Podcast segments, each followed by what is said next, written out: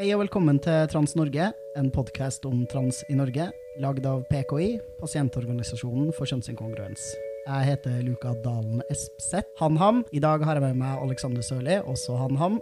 Dagens tema er dun, dun, dun, biologisk kjønn. Hva betyr egentlig ordet biologi? Hvordan er det vi bruker det i dagligtale? Hva mener vi egentlig når vi snakker om biologisk kjønn? Og hvorfor er det ofte meningsløst og tidvis transfobt å snakke om biologiske kvinner? Dette er noen av de spørsmålene du får svar på i dagens episode av Trans Norge.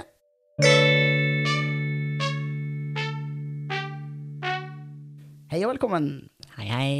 Et av de første spørsmålene jeg har tenkt at jeg skulle prøve å besvare i dag, er liksom, hva betyr ordet biologi? Og kort forklart så brukes ordet biologi om læren om alt levende, egentlig, og kan også bety liksom det som handler om celler og cellenes oppgave i verden. Men jeg tenker også at når vi bruker biologi i dagligtale, så snakker vi egentlig ofte om eh, et ord eller et begrep som er ganske ekvivalent til, til, begrepet natur. Fordi vi inkluderer gjerne ting som ikke handler om celler og levende ting, inn i biologibegrepet. Jeg tenker at vi forstår havet som en del av biologien, mens havet i seg selv, altså vannmassen havet, ikke er biologisk i streng forstand, men det er den jo, når vi snakker om det til daglig. Det som er artig med biologisk skjønn, tenker jeg, er at vi veldig ofte eh, bruker det ordet, og så tror vi at vi har en fast definisjon eller forståelse som er felles for alle mennesker av hva det er. Det tenker jeg at vi ikke har. Eh, veldig mye av vår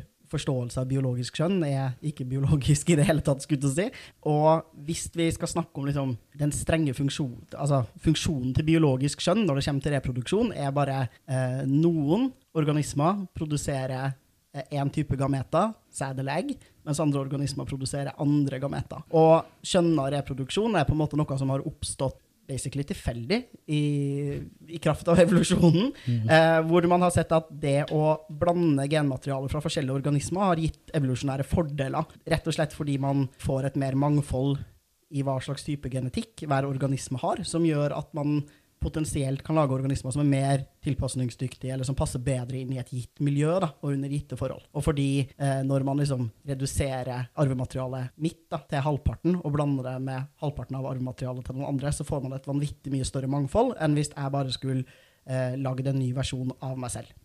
Ja, ikke ja. sant. Det har jeg egentlig aldri tenkt på, faktisk. Mm. Selv om jeg føler at jeg har tenkt ganske mye på liksom, biologisk kjønn som konsept. Men det er jo kanskje derfor det også er fint da, å ha deg her, faktisk. Fordi du er jo også lektor i biologi. Det er jeg faktisk.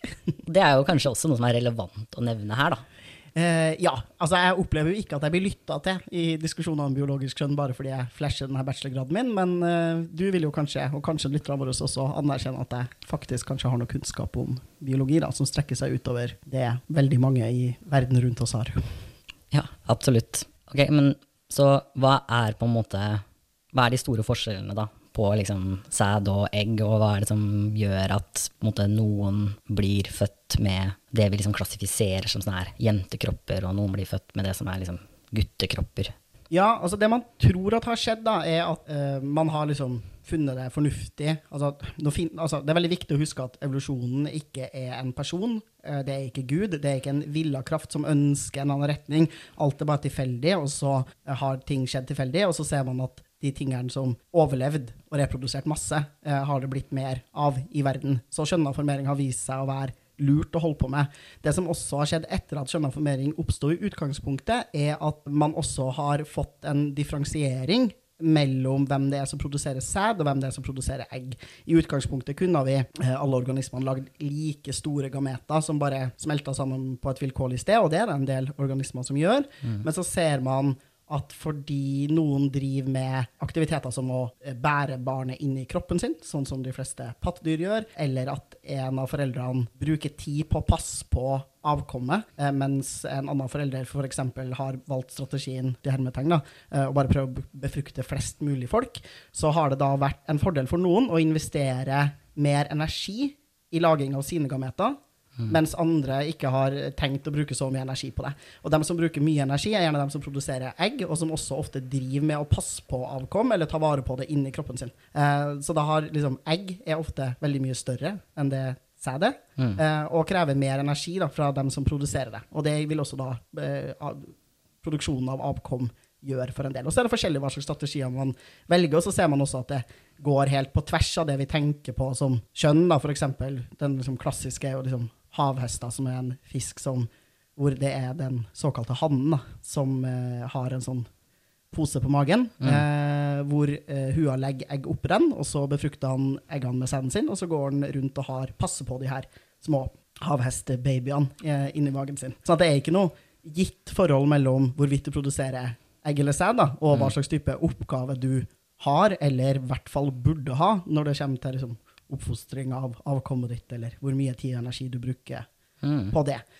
Eh, og så ser man noe spesielt hos arter hvor Eh, det å få barn er en omfattende oppgave, da, hvor man investerer veldig mye tid og energi, så er det jo gjerne sånn at begge foreldre bidrar. Og hos menneskearten, både historisk sett, men også spesielt i den samfunnskonteksten vi lever i nå, så velger jo stort sett begge parter i barnelaging å delta relativt like mye, da, og investere like mye krefter, tid, energi, penger osv. i avkom. Det gir jo mening. Det er jo ikke sånn at man liksom får 1000 stykker, liksom, så er det greit om bare liksom 1 overlever. Nei. Men mennesker eh, produserer jo ganske få barn, sånn sett. Det gjør vi. Og så En ting som man kanskje også kan snakke litt mer om, er sånn der, hva skal til for at en kropp kan produsere sæd eller egg. Og hvis man liksom prater om en menneskelig kropp, så, så, skal det ganske mange forskjellige ting til på en måte, for at kroppen din skal være i stand til å produsere enten sæd eller egg. Det holder f.eks. ikke, som mange tror, å ha XY-kromosomer for å utvikle en penis og evnen til å produsere sæd. Du må også ha et gen på det Y-kromosomet ditt som kan mangle. Mm. Og så må du ha en eh, kropp som responderer på testosteronproduksjon mm. i fosterlivet, og så må det testosteronet være til stede. Og så eh, eh må du også senere i livet få en forhøya testosteronproduksjon som setter i gang liksom, sædlaging. Så det holder f.eks. ikke bare å ha XY-kromosomer for å bli en person som produserer sæd.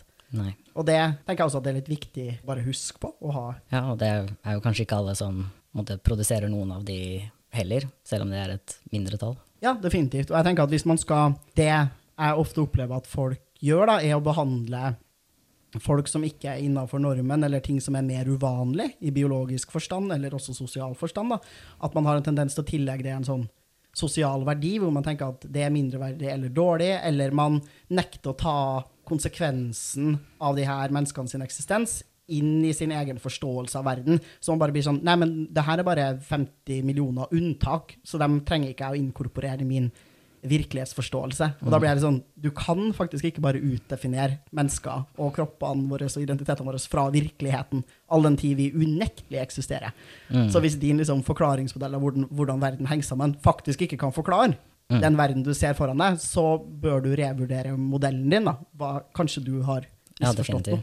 I hvert fall hvis på en måte, påstanden din er da, at det, det fins måte bare to kjønn, og de ser ut på de her veldig spesifikke måtene, så kan du ikke også ha unntak. Du kan ikke si det finnes faktisk bare to kjønn i verden, men det er unntak. Hvis det er unntak, så finnes det ikke bare to kjønn. Det, måte, det funker jo ikke. Nei, det gjør ikke det. Eller i så fall, da må du anerkjenne at alle mennesker som ikke evner å produsere enten sæd eller egg, per definisjon ikke har noe kjønn. Mm. Eh, og da vil det være vanvittig mange mennesker i verden som ikke har noe kjønn. Og vi kan godt legge oss på den linja, men da blir jo spørsmålet hvilke sosiale konsekvenser skal det få?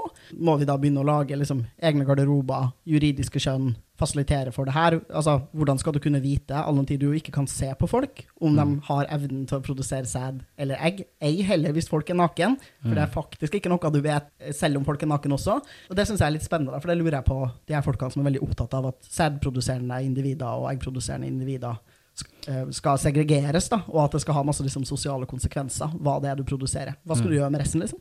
Det er kanskje en av de tingene som jeg syns er liksom mest kanskje uforståelig da, med folk som er veldig opptatt av på en måte at de, det jeg tenker på som de sosiale kjønna kategoriene, da, hvilke ord vi bruker, og hvilke pronomer vi bruker, og hvilke rom vi bruker, liksom, at det skal være kobla til det de mener er den her biologiske forståelsen av kjønn. For det virker jo for meg som at den biologiske forståelsen av kjønn, sånn som du forklarer det nå, da, egentlig bare handler om reproduksjon. Ja. Og det er jo egentlig ganske sjeldent at vi måtte refererer til folk for å snakke om deres reproduksjon. Det er jo ikke sånn at hver gang vi snakker om han og hun, liksom, eller bruker et navn som er kjønna, så prøver vi å referere til hva slags gameter de produserer, eller hva slags rolle de skal ha i reproduksjon.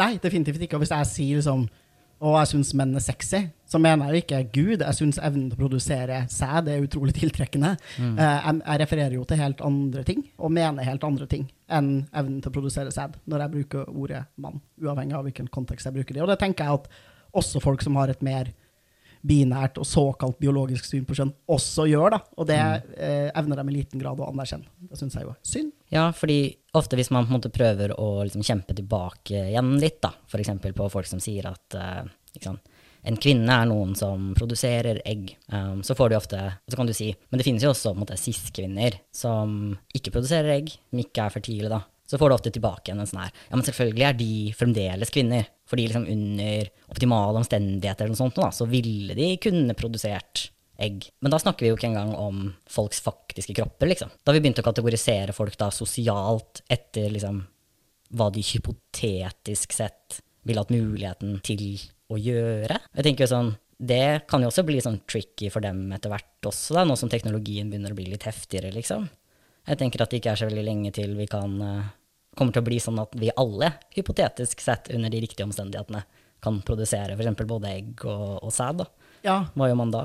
Nei, da, da, sliter jo de her folkene det voldsomt med forklaringsmodellen sin. Og jeg tenker at man er jo allerede eh, Man nærmer seg jo veldig når man ser hva hvor fleksibel en kropp er i møte med hormonpåvirkning. Både liksom en som skjer av seg selv, men også ting som er påvirka av medisin og andre intervensjoner vi velger å gjøre. Vi ser at mennesker uten livmor nå kan få transplantert livmor og gjennomføre et svangerskap. Altså sånn, du, du mister jo stadig mer av mm. det du tenker på som essensen av, uh, av kjønn da, for de her folkene. Og så er de jo Jeg tenker jo at hvis, ja, hvis, du koker kjønn ned til bare sine, til den strenge biologiske forståelsen, så er det bare produksjon av sæd eller, eller, egg. Mens uh, de, folkene som ofte snakker mot transfolk, er det jo veldig mange flere ting, og er mm. spesielt opptatt av utseendet på ytre genitalia, altså hvorvidt du har penis eller vulva, eh, som jo er helt, har ingenting med hvorvidt du produserer egg eller sæd å gjøre. Og jeg føler veldig at antitransfolkene velger helt fritt selv hele tida hva slags biologisk definisjon av kjønn de velger. De eh, bruker en definisjon i det ene øyeblikket, og så innser de oi,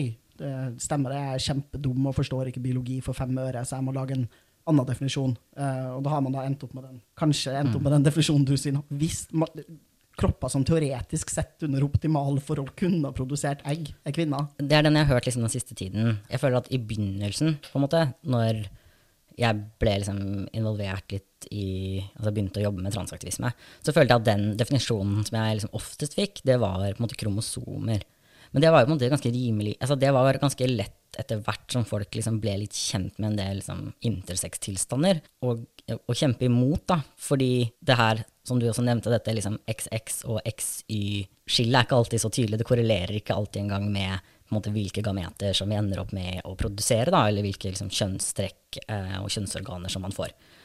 Og at man måte, etter det så byttet man måte, litt forklaringsmodellen til å i stedet for handle om måte, altså, hvem som har kropper som er liksom, organisert på en sånn måte at de er laget for å produsere egg eller sperm, da, og at det da på en måte er litt sånn irrelevant om du faktisk gjør det, eh, kommer til å gjøre det, eller har gjort det men at det er det liksom, kroppen din på en måte sånn var laget til. da. Det, var litt sånn, for det også er jo litt sånn interessant, fordi det høres jo litt sånn religiøst ut, nesten. En sånn måte å snakke om biologi på hvor liksom selv om kroppen din faktisk ikke produserer noe, så ble den på en måte egentlig laget for å gjøre det. Mm.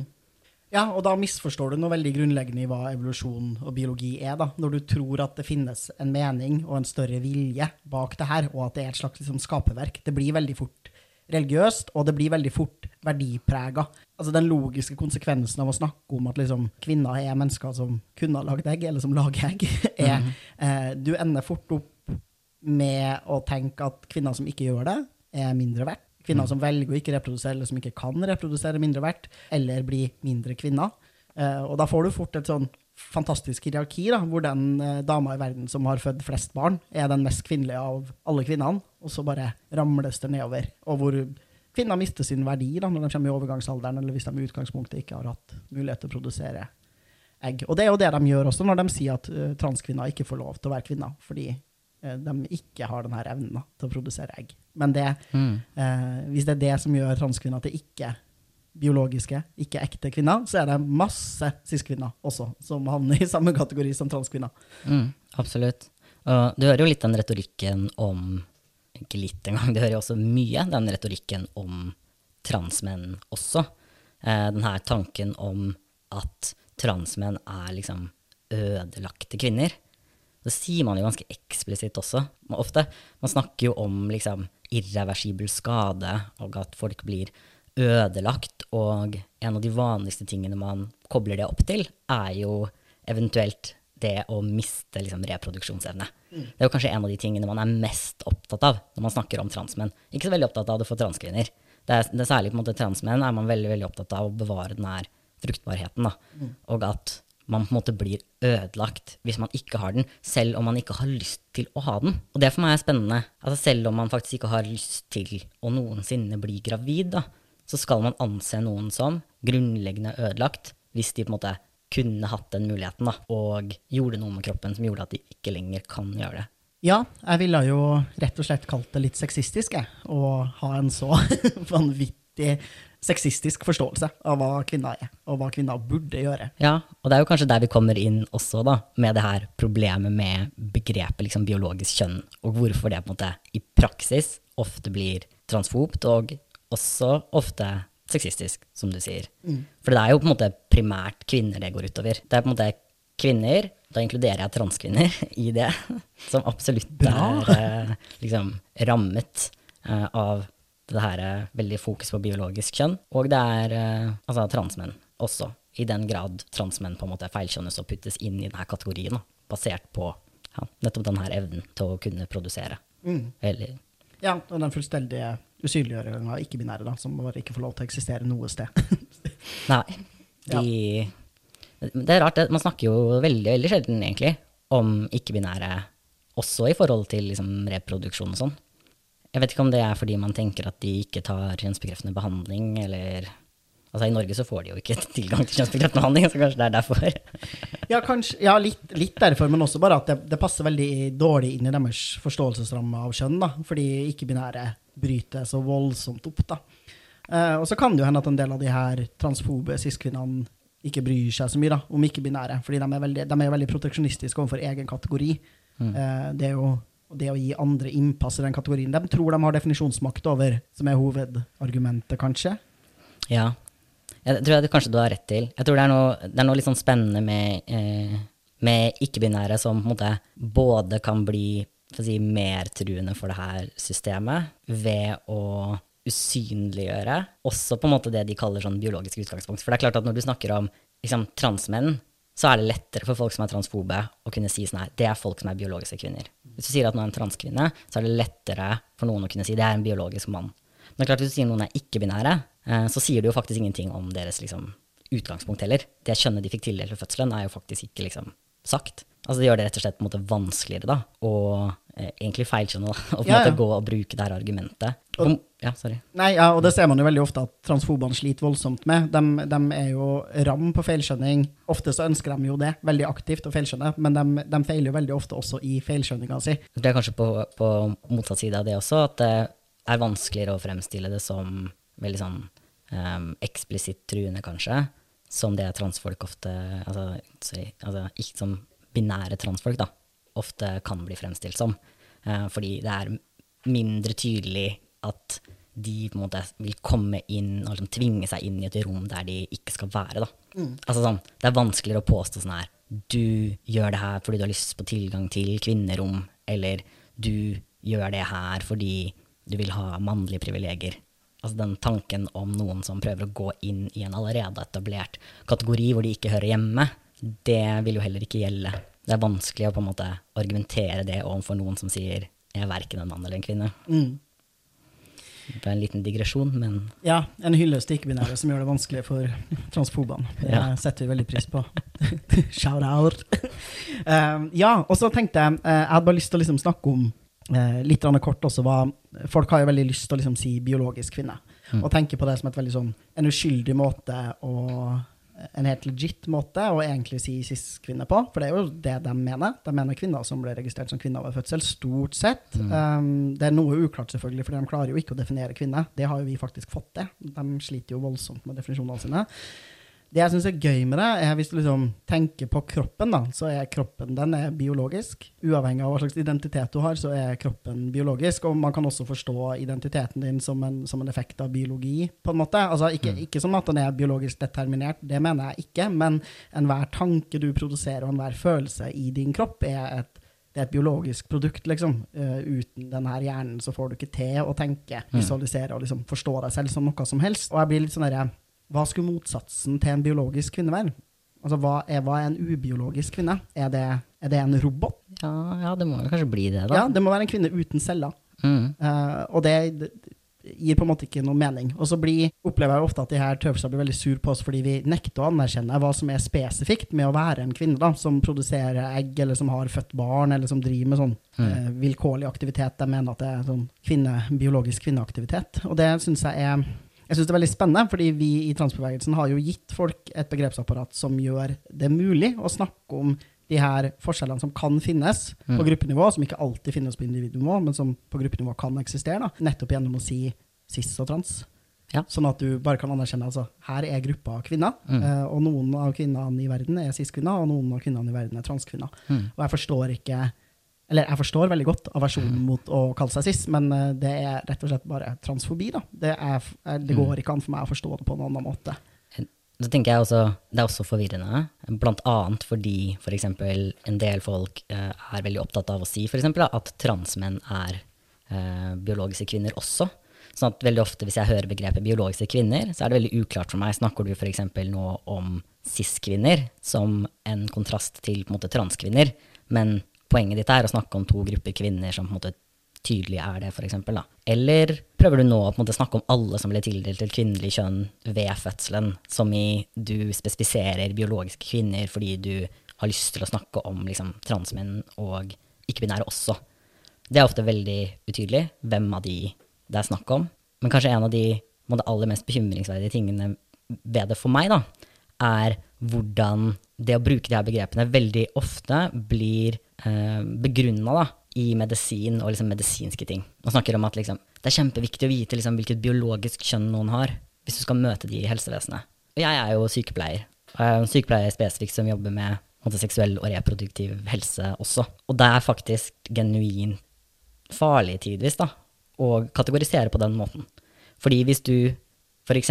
tenker da, at brystkreft det er en ting som biologiske kvinner får, fordi de naturlige bryster som du gror av liksom, å gå gjennom en kvinnelig pubertet med østrogen, de er måte betydelig mer sannsynlig til å liksom, få kreft i seg. Da. Og så tenker du at det skal jeg bare markedsføre på en måte, til såkalte liksom, biologiske kvinner, som er folk som ble tildelt kjønnet kvinne ved fødselen, men, men ikke transkvinner. Men transkvinner gror jo også på måte, pupper på akkurat samme måte som det cis-kvinner gjør, altså ved bruk av østrogen. Og jo tidligere de på en måte begynte med det også, jo mer på en måte, brystvev kan man få. Da. Og det betyr jo at transkvinner har de samme behovene når det gjelder bl.a. å screene og sjekke for brystkreft, da, som det på en måte cis-kvinner har. Mens veldig mange transmenn vil ikke ha like stort behov. Og da har vi et kjempeproblem eh, hvis vi skal bruke disse liksom, biologiske kjønnskategoriene da, som en måte å spesifisere hvem som skal ha hva slags type helsehjelp. Jeg mener at det har helt motsatt funksjon av det de påstår. Ja, definitivt. Og det, er, eh, det gir ikke nyttig informasjon til en lege å vite hvilket kjønn du ble tildelt ved fødsel. De er nødt til å vite noe mer spesifikt om hvordan kroppen din faktisk er samt sammen, hvilke organer som befinner seg der, hva slags hormonnivå du har eh, av forskjellige typer hormoner. Det er viktig biologisk informasjon for helsepersonell å ha. men hvilket kjønn du ble tildelt ved fødsel, gir ikke den informasjonen. Det er bullshit. Ja, det er det. Sånn, en ting som jeg tenker på, da, som kan være liksom relevant å si her også, er jo at en del av oss snakker jo om måte, kjønn som en sosial konstruksjon, og også biologisk kjønn som en sosial konstruksjon. Og det er jo en ting som er liksom Jeg opplever da at folk blir liksom helt sånn sjokkert over å høre. Fordi, og det er kanskje en, eh, det som er litt av problemet, da. Det er som om folk tror at hvis noe er en sosial konstruksjon, så er det ikke ekte. Mm. Altså, da sier vi at det ikke finnes. At liksom, det ikke er biologiske realiteter. da. At kropper ikke fungerer på disse måtene. Mens det vi egentlig prøver å si når vi snakker om at kjønn er en sosial konstruksjon, inkludert biologisk kjønn, det er jo at det er vi mennesker på en måte, som putter mening inn i ulike begreper. Og denne biologisk kjønn-kategorien er utrolig upresis. Den er full av masse måte, kulturell og sosial bagasje. Den endrer seg basert på kontekst. ikke sant? Noen snakker om det som sånn synonymt med naturlig. Hos noen er det kromosomer. Hos noen er det en hypotetisk evne til å reprodusere. Og at det er det vi snakker om. da. At liksom, det her er en sosial konstruksjon, og vi kan endre den som mennesker også. Vi kan velge å si at liksom, transkvinner er biologiske kvinner, f.eks. Som de jo helt opplagt er, Ja. all den tid de er kvinner, og biologisk. Mm. Ja, ja og jeg, jeg syns også det der er, er veldig artig, fordi uh, det er veldig ofte når jeg sier at jeg er mann, da, så kommer folk med en sånn her Ja, men du, du kan ikke produsere sæd. Og så er jeg sånn Jeg har aldri påstått noe sted at jeg kan produsere sæd. Mm. Og folk blir sånn Folk snakker til meg som om jeg ikke vet at jeg ikke kan produsere sæd. Eh, og er det noe jeg er klar over, tidvis smertelig klar over, så er det at jeg ikke produserer sæd. Eh, det er som om de tror at vi ikke har liksom, en grunnleggende forståelse av hva biologi og kropp er. Da. Og, og det har vi jo. Jeg bare mener at det å produsere sæd ikke er essensen av kategorien mann. Og jeg mener også at den ikke historisk sett noensinne heller har blitt brukt som det. Det er ikke det vi mener når vi sier mann. De aller færreste har som eneste assosiasjon til ordet mann en person som produserer sæd, uten noen forventning om eh, kroppslige trekk, sosial rolle, utseende, eh, atferd og andre typer ting. Altså, det har man, og alt det er veldig, veldig sosialt. Og det at vi liksom i det hele tatt tenker at sæd og mann har noe med hverandre å gjøre, er også en helt sånn sosial handling. Og det er en sosial handling når vi plukker opp barn og putter dem inn i kategorien gutt eller jente. Jeg kan jo si det, da. Bare det i seg selv. Altså, bare det at vi mennesker for eksempel, da, har valgt liksom, at hva slags type gameter du produserer, eller hva slags uh, kjønnshormoner du har, eller er noe som gjør, uh, og er så viktig, da, at vi bør dele alle mennesker inn i én av to kategorier, uh, som skal på en måte definere dem resten av livet, da, er jo en ekstremt sosial handling. Altså, vi kunne gjort det med andre ting òg. Vi kunne jo f.eks. sagt som samfunn at um, høyde var veldig, veldig viktig for oss. da. Sånn at liksom, uh, vi had, fant på et uh, begrep for de som var liksom, lave, og et begrep for de som var liksom, over en viss høyde. da. Og det var dette vi baserte pronomen ut av fra, for eksempel, da. Og hvilke rom folk skulle bruke. Det her var måte den store, viktige tingen, eller i hvert fall én da, stor, viktig liksom, kvalitet ved oss, som, er, liksom, som vi må ha et begrep for. Jeg tenker at Det er jo noe vi kunne gjort som samfunn. liksom. Ja, ja. Men, Og det er jo unektelig sånn at folk er høye og lave. Altså, det er jo en helt sånn biologisk realitet. Men alt det her rundt det, da, det at liksom alle mennesker skal deles inn, og hvor det skillet eventuelt skal gå, da, mellom de som er høye og de som er lave, f.eks. Hvor setter vi det skillet, liksom? Hva om, hva om det endrer seg, hva om, hva om noen tar kirurgi, liksom? For å bli liksom litt høyere og komme akkurat over den, den høyden. Hvordan klassifiserer vi dem da? Alt det der er sosialt. Det er sosiale konstruksjoner. Det er ikke en sånn nøytral referanse, bare, til på en måte en materiell virkelighet. Og vi gjør akkurat det samme med kjønn, da. Alt det der rundt det, liksom. Det er ikke en nøytral bare referanse til en sånn biologisk virkelighet. Det er masse sosialt uh, tull, mener jeg, da. Ja, jeg er helt enig at det er sosialt tull. Støy. Ja, og, og det som ville ha vært konsekvensen hvis vi hadde sett for oss en verden hvor vi, vi, vi inndelte folk da etter høyde, og så kalte vi ikke bare folk for høy og lav, vi måtte finne på et mer arbitrært ord også, som ikke liksom refererte til den faktiske høyden, men vi kalte liksom de høye for tatteré, og så kalte vi dem lave for smlø.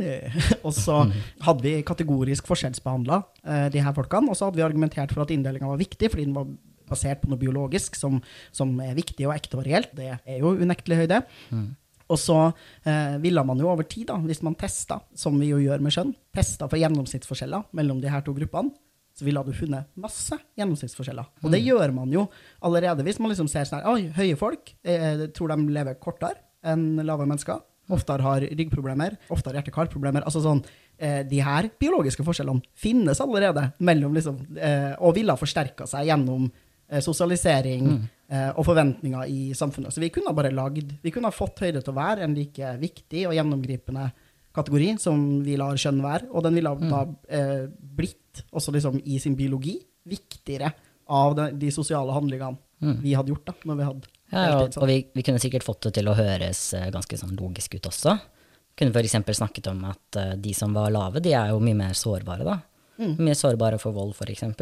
Uh, de kan ikke løpe så fort som, eh, som de som er høye, gjør gjennomsnittlig, selvfølgelig. Mm. Vi ser at de som er høye, også gjen, i gjennomsnitt er sterkere enn de som er lave. Det ville vi jo kanskje sett bl.a. pga. Uh, testosteron og østrogen og deres effekt på høyde. Da. Det er så mange ting du kunne på en måte funnet der, da, som også kunne forsvart en slags sånn inndeling og på en måte gjort, altså, gjort at den føltes meningsfullt. da. Definitivt. altså Inndeling i forskjellige kategorier i idretten hadde vært helt logisk. Det at garderoben for oss som er lav, har dusjer som er plassert lavere på veggen, gir helt mening, så vi skal ha vårt eget garderobe. Du kunne ha så lett argumentert for et sånt her samfunnssystem og forstått det som viktig og biologisk gitt. liksom.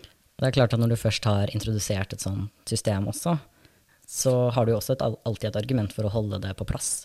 Da kunne jo vi som var lave, f.eks., argumentert veldig sterkt for at sant? Vi kan ikke drive og åpne opp disse her rommene for andre. For eksempel. Fordi de av oss som er lave, da, vi har jo vokst opp da, med undertrykking og på en måte lav sosial status. Og det betyr jo at nå har jo vi fått en slags sånn sosial levd virkelighet som disse andre aldri kan få, aldri kan oppleve.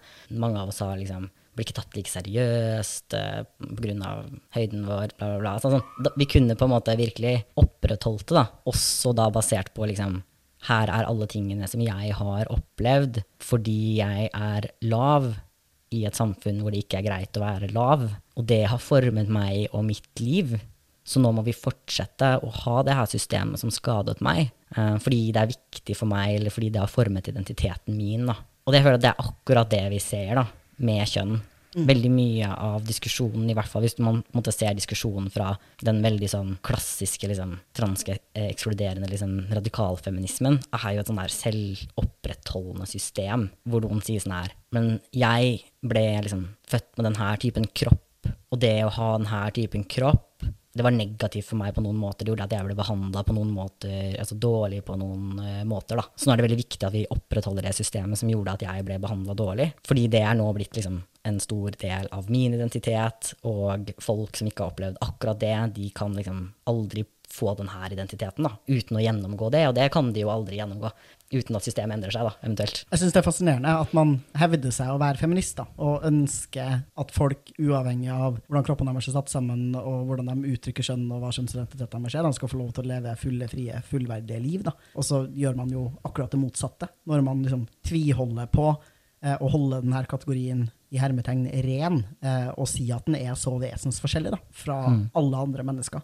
Da er du en del av problemet. Du ønsker å fortsette kvinneundertrykking. Liksom. Du har lyst til at det skal være sånn samfunnet ser ut. Og det syns jeg er fascinerende. At man ikke ønsker endring, at man ikke ønsker positiv endring, og tenker at herregud, så flott det har vært hvis dem som vokser opp nå, slapp denne her lidelsen som folk før har opplevd. Mm. Og at det å slutte å operere med så strenge kategorier for kvinner og menn hadde vært, det hadde vært jævlig fint da, for alle mennesker.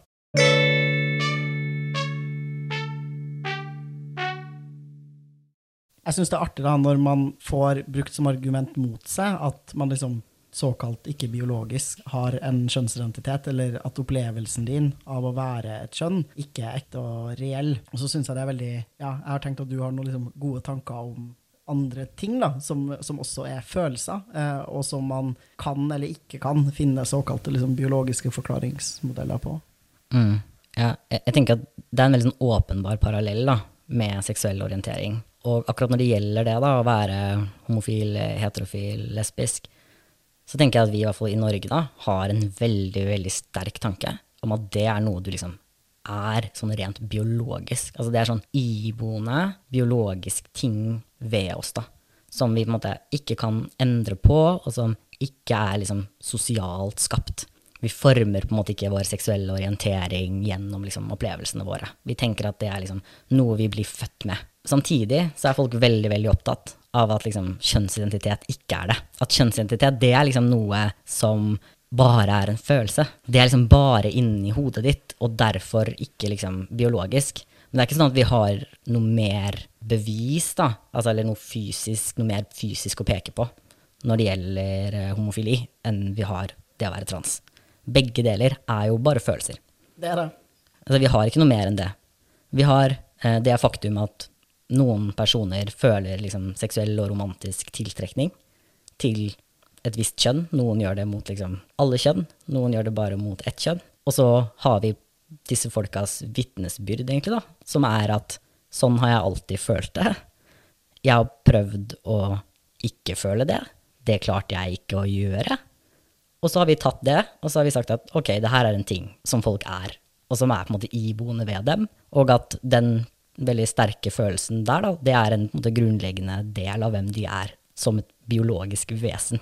Mm. Og så har vi også lært oss etter hvert, da, mer og mer i større og større grad, at det ikke er iboende negativt eller dårlig, eller noe man skal liksom eh, behandles dårligere enn andre mennesker på grunnlag av. Eh, og så er man ikke helt i mål på det, men man har i hvert fall anerkjent at, at så er tilfellet. Og jeg tenker også at vi har på et vis komme dit at hvis man la oss si at man i et tenkt eksempel da, skulle finne en biologisk markør da, for homofili, at man liksom så Oi, herregud, her er, liksom, her er det som gjør deg homo. Så ville vi nok fortsatt tenkt at mennesker som selv sa at de er homofile, men som etter en liksom, la oss si det fantes en gentest, da, mm. ikke innehar den her eh, biologiske markøren for homofili, så ville vi nok ganske raskt også tenkt det er egentlig litt irrelevant, det. Mm. Eh, all den tid du opplever deg selv som, og ønsker å leve som, og si at du er homo. Mm. Eh, det er jo ingen grunn til å skulle betvile det, eller eh, jobbe imot det. Med mindre du da tenker at det å være homo er vanvittig dårlig, og noe alle folk må slutte med. Mm. Uh, og det har vi heldigvis slutta med med homofili, men det gjør vi med trans. da. Og på trans også så leter man jo uh, Man leter etter liksom, biologiske forklaringsmodeller.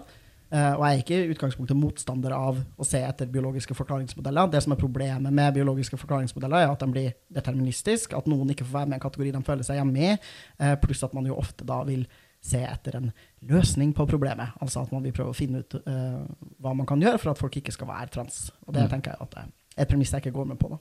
Mm. Kan vi på en måte ende opp i, i, samme situasjon som at vi har en sånn her biologisk trans og ikke-biologisk trans, liksom. Mm. et sånt marerittscenario. ja, det er et marerittscenario. Men det er jo definitivt noe man ser forsøk på i den antitransbevegelsen også en del av dem påstår jo at de anerkjenner enkelte transpersoner som trans, mm. hvis de innehar nok trekk som transfobene har bestemt. da. Hvis de har, liksom vært, mm. hvis de har sterk nok dysfori har følt det lenge nok og er helt binære og sånn. Og det ser vi jo konsekvenser av liksom, hvordan helsesystemet er lagt opp, at vi bare har to juridiske kjønn osv. Så, videre. så det er jo, uh, uten at det er, liksom, er noe mer biologisk forankra, så er det tydelig at liksom, noen får jo innpass. Det, det, det, du skal finne ganske sånn ekstreme turfs for at de ikke anerkjenner i hvert fall si at de anerkjenner at noen transport finnes. da. Jeg tror kanskje heller det at de måte, sier at de anerkjenner det. Men jeg, jeg syns det er veldig interessant at man tilsynelatende da virkelig anerkjenner på en måte homofili, eh, altså det at folk er homofile og lesbiske, da, tydeligvis er noe man anerkjenner veldig lett i disse bevegelsene. Basert utelukkende på at folk sier at de føler det. Mens transfolk får ikke lov til å la måte, vår, egentlig vårt sinn da, og våre følelser og ønsker være en del av vårt biologiske selv. Og det gir ingen mening. Det er klart at sinnet vårt er en del av kroppen vår, da. Med mindre du på en måte tror at folk liksom har en sjel, og at det liksom kan fjernes bort fra liksom kroppen din, så må du på en måte anerkjenne da, at tanker og følelser det også er en del av kroppen. Mm. Uh, og så blir spørsmålet i hvor stor grad vi skal på en måte vektlegge det da, når vi deler inn samfunnet. Og personlig så mener jeg at det, det virkelig er Hvis det er noe vi skal på en måte vektlegge når vi prøver å strukturere samfunnet, så er det jo folks opplevelser. Ja. Folks følelser og behov. Ja. Veldig viktig. Det er sånn, hvilke behov har du, og hvordan kan vi sørge for at flest mulig mennesker da, lider minst mulig og har det best mulig? En annen ting med, som jeg bare har lyst til å nevne med homofili, da, er at vi fullt ut anerkjenner også at folk kaller seg homo, eller er homo, når de kaller seg det, uten å stille noen som helst krav, omtrent. Mm. Eh, og det synes jeg jo er, altså det er jo en velsignelse. Det er veldig, veldig bra. Eh, for det er jo sånn, hvis en kvinne sier at hun er lesbisk, da, så er det ingen som kommer og liksom sier sånn Herregud, jeg vet at du hadde sex med to menn på 80-tallet. Du får ikke lov til å kalle deg lesbisk, fordi det passer ikke med min definisjon av lesbisk. Du kan aldri ha sex med en Mm. Det gjør vi jo ikke. Selv om det vil jo være rett og slett en biologisk virkelighet som skulle tale imot at denne følelsen er sann og ekte. Ja. Det er også ganske interessant hvis du ser på en del konverteringsterapi som er retta mot, det lesbiske, så bruker de nesten nøyaktig samme språk. Og det inkluderer sånne ting som at de snakker om at lesbiske må lære å liksom reconcile with their sex, og at de snakker om at det å på en måte at den konverteringsterapien, da, at målet med den er at de skal på en måte forstå at de er kvinner, og at som kvinner så er jo på en måte altså Det du er liksom laget for, er jo det reproduktive, og det kan du aldri få gjennom liksom sex med en annen kvinne.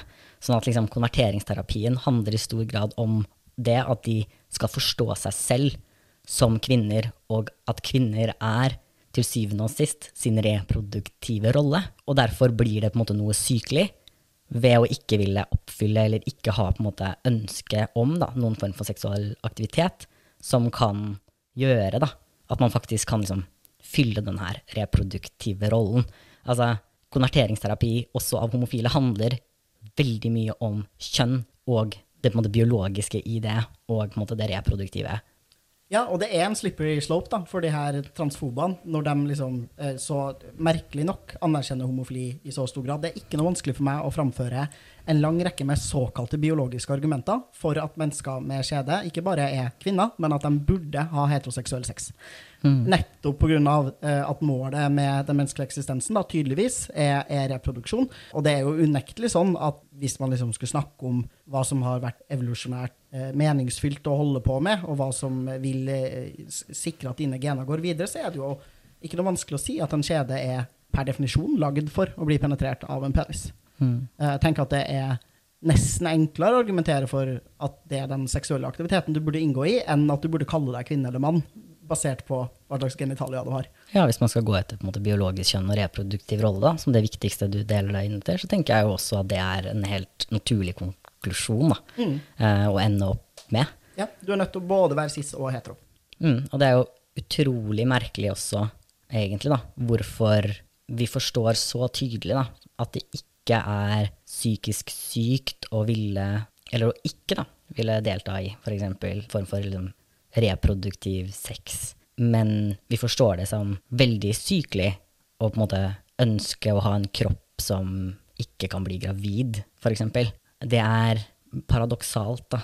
Tenker at resultatet allikevel er mye av det samme. Det er for så vidt også veldig merkelig at vi også ikke forstår det som en sånn form for nesten liksom kjønnsendring og egentlig da hormonell prevensjon og liksom spiral og abort og disse tingene også for så vidt. da. Hvis vi tenker at det som grunnleggende sett er kjønn, er liksom det reproduktive, så er jo på en måte alle forsøk på å prøve å hindre disse liksom, kroppslige funksjonene som skal lede til reproduksjon, også en form for å på en måte ikke liksom anerkjenne, da, kanskje, eller akseptere ens kjønn, hvis kjønn er det reproduktive. Ja, og det finnes det jo folk som helt klart i verden argumenterer for. Det synet er en del av deres argumentasjon for at man ikke skal bruke prevensjon, f.eks.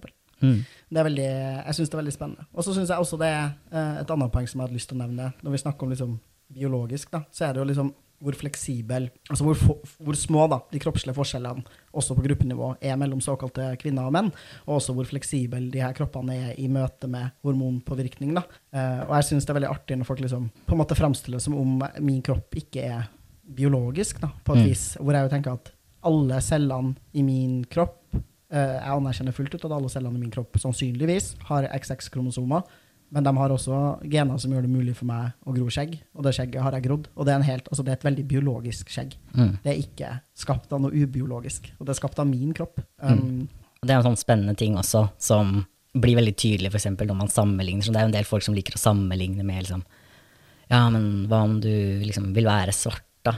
Og den typen ting. Men altså, i motsetning til liksom, ja, liksom rase, da, så er jo faktisk liksom kjønn rent biologisk noe. eh, som våre kropper er veldig flytende på. Mm. Altså, vi kan faktisk liksom utvikle helt av oss selv da. masse ting som vi regner som kjønnstrekk, bare ved å ta et hormon. Og ja, jeg tenker jo akkurat det samme. Og der kommer vi jo igjen til et sånt problem hvor det å snakke om liksom Ja, hvis folk eh, skal si til meg ja, du er en mann, liksom, men du er, du er jo biologisk kvinne. Da lurer jeg litt på hva det er de refererer til, da. Eller i hvilke kontekster det er hensiktsmessig. Ja. Fordi selv hvis du ser på, på måte, sykdommer og den typen ting, da, så er det litt sånn Jeg produserer ingen gameter, jeg. Jeg har et rent testosteronbasert system. Jeg har ikke bryster. Eh, altså det er veldig veldig få liksom, deler av det som kalles f.eks. kvinnehelse, som er relevant for meg. Altså hvilke deler av kroppen er det som er liksom den her biologiske kvinnekroppen, altså bare rent fysisk? Altså, jeg vet jo ikke engang hva, kromosom, hva slags kromosomer jeg har. Nei, det er det jo de færreste av oss som vet. Folk går jo rundt og bare basonerer ut at de antar at de har de her kromosomene eller de her kromosomene. Det blir på en måte veldig teoretisk, da. Ja. Det blir en litt sånn her Ja, men hvis situasjonen din var helt annerledes enn det den faktisk er, og hvis kroppen din fungerte på en måte den ikke fungerer, så hadde de gitt mening å kalle det dette. Ja, det er et unyttig begrep, da. Og jeg tenker at i motsetning til det veldig mange vil ha det til, så tenker jeg jo at det transbevegelsen på en måte grunnleggende sett ønsker, er at det er våre faktiske kropper, inkludert sinnet og hjernen vår, som skal være styrende da, for hvilke liksom, rom vi har tilgang til, og hva slags medisinske tjenester vi får, og hva slags liv da, vi lever. Vi bare mener at din reproduktive kapasitet ikke skal dømme deg til et tenker- liv i fengsel i et gitt, gitt system, liksom. Ja. Du må se på helheten, da. Og helt alvorlig også, jeg blir bekymra når jeg ser leger liksom, som er veldig opptatt av det her. da. Altså disse, disse strenge inndelingene, liksom. Og er veldig bastant på at det er liksom kvinnehelse og, og mannshelse på den motsatte siden. da. For jeg tenker at da gjør du ikke jobben din. Nei, da, da glemmer du det individet som sitter foran deg, da. Og, Ja. og hvordan det kan være annerledes enn gjennomsnittet for den gruppa du har valgt å plassere dem i. da. Og det er jo kjempefarlig for Ja. enkeltpersoner sin helse. Hvis du ikke forstår eller er villig til å sette deg inn i, eksempel, når du møter en pasient, at det at de uh, går på testosteron, eksempel, kan påvirke det, hvilke sykdommer, for eksempel, de er i risikogruppa for å få. Da. Fordi du bare kategoriserer dem inn i en sånn biologisk kvinnekategori. Da har du gjort noe galt, da. Ja, definitivt. Og så må man også spørre liksom, hva er intensjonen, da? Når noen liksom har lyst til så hardnakka påstå at jeg er biologisk kvinne, så er jeg sånn OK, la oss si at du definerer det på en gitt måte, da. Og la oss si at den definisjonen stemmer. Hvorfor er det viktig for deg? Eh, å nekte meg tilgang til han som pronomen, til mann som kategori. Hvorfor, hvorfor skal ikke jeg få den her språklige friheten, eller friheten til å kle meg som jeg vil, eh, ha kroppen min sånn som jeg vil? Det er jo fordi du grunnleggende sett bare har lyst til å utøve eh, makt og undertrykke meg. Du har lyst til å være kjip. Det er bare det som er intensjonen og målet med det her. Og så gjemmer de seg bak og sånn Nei, jeg bare påpeker helt sånn nøytrale biologiske fakta. Så er sånn Du gjør jo ikke det. Du, alle sammen forstår hva du vil, liksom. Du har lyst til å være kjip med meg fordi du syns jeg er ræva. Ja, det er veldig, veldig sjeldent at på en måte, tilfeldige mennesker, eller noen egentlig, da, er på en måte Det er egentlig, man kan si det sånn, da. Det er veldig sjeldent at det er relevant da, for noen andre enn en eventuell partner som du har tenkt til å få barn med, eller ha en form for seksuell aktivitet som kan føre til barn, som trenger å vite om eller snakke om da, din på en måte reproduktive kapasitet, eller hvilken rolle du teoretisk sett ville hatt i reproduksjon. Altså det, det er en helt forferdelig måte å inndele samfunnet på. Da. Og så forstår jeg at enn så lenge vi på en måte har gjort det så lenge, da, at det har blitt liksom ulikheter i samfunnet basert på disse rollene som vi har skapt, til dels rundt måte, biologiske trekk og til dels rundt måte, sosiale ting, så må vi på en måte kanskje også fortsette å kjønne litt, på en måte, for å anerkjenne de ulikhetene og sånn som har oppstått som et resultat av det. Da. Men det at vi skal liksom, gjøre så godt vi kan da, for å på en måte, opprettholde og forverre det her systemet, altså bare gjøre det enda mer sånn da, at biologi er destiny, og at, det vi, at vi hele tiden skal referere til og kategorisere folk ut fra uh, deres måte, reproduktive rolle. Jeg klarer ikke å forstå det som noe som noensinne kan være et feministisk prosjekt, da. Nei, ikke heller. Det er så grunnleggende antifeministisk, hele, hele opplegget. Tusen takk for at du var med oss igjen i dag, Alexander Sørli. Jeg heter Luka Dalen Espeseth. Takk til Martin Skjold for den nydelige Trans-Norge-musikken. Takk til Salam for at vi får låne utstyr til å ta opp podkasten. Følg Trans Norway på Spotify og få alle episodene av Trans Norge. Spre ordet om eh, podkasten hvis du liker den. Følg PKI på Facebook og Instagram, og meld gjerne PKI på nettsidene våre tjonsinkongruens.no.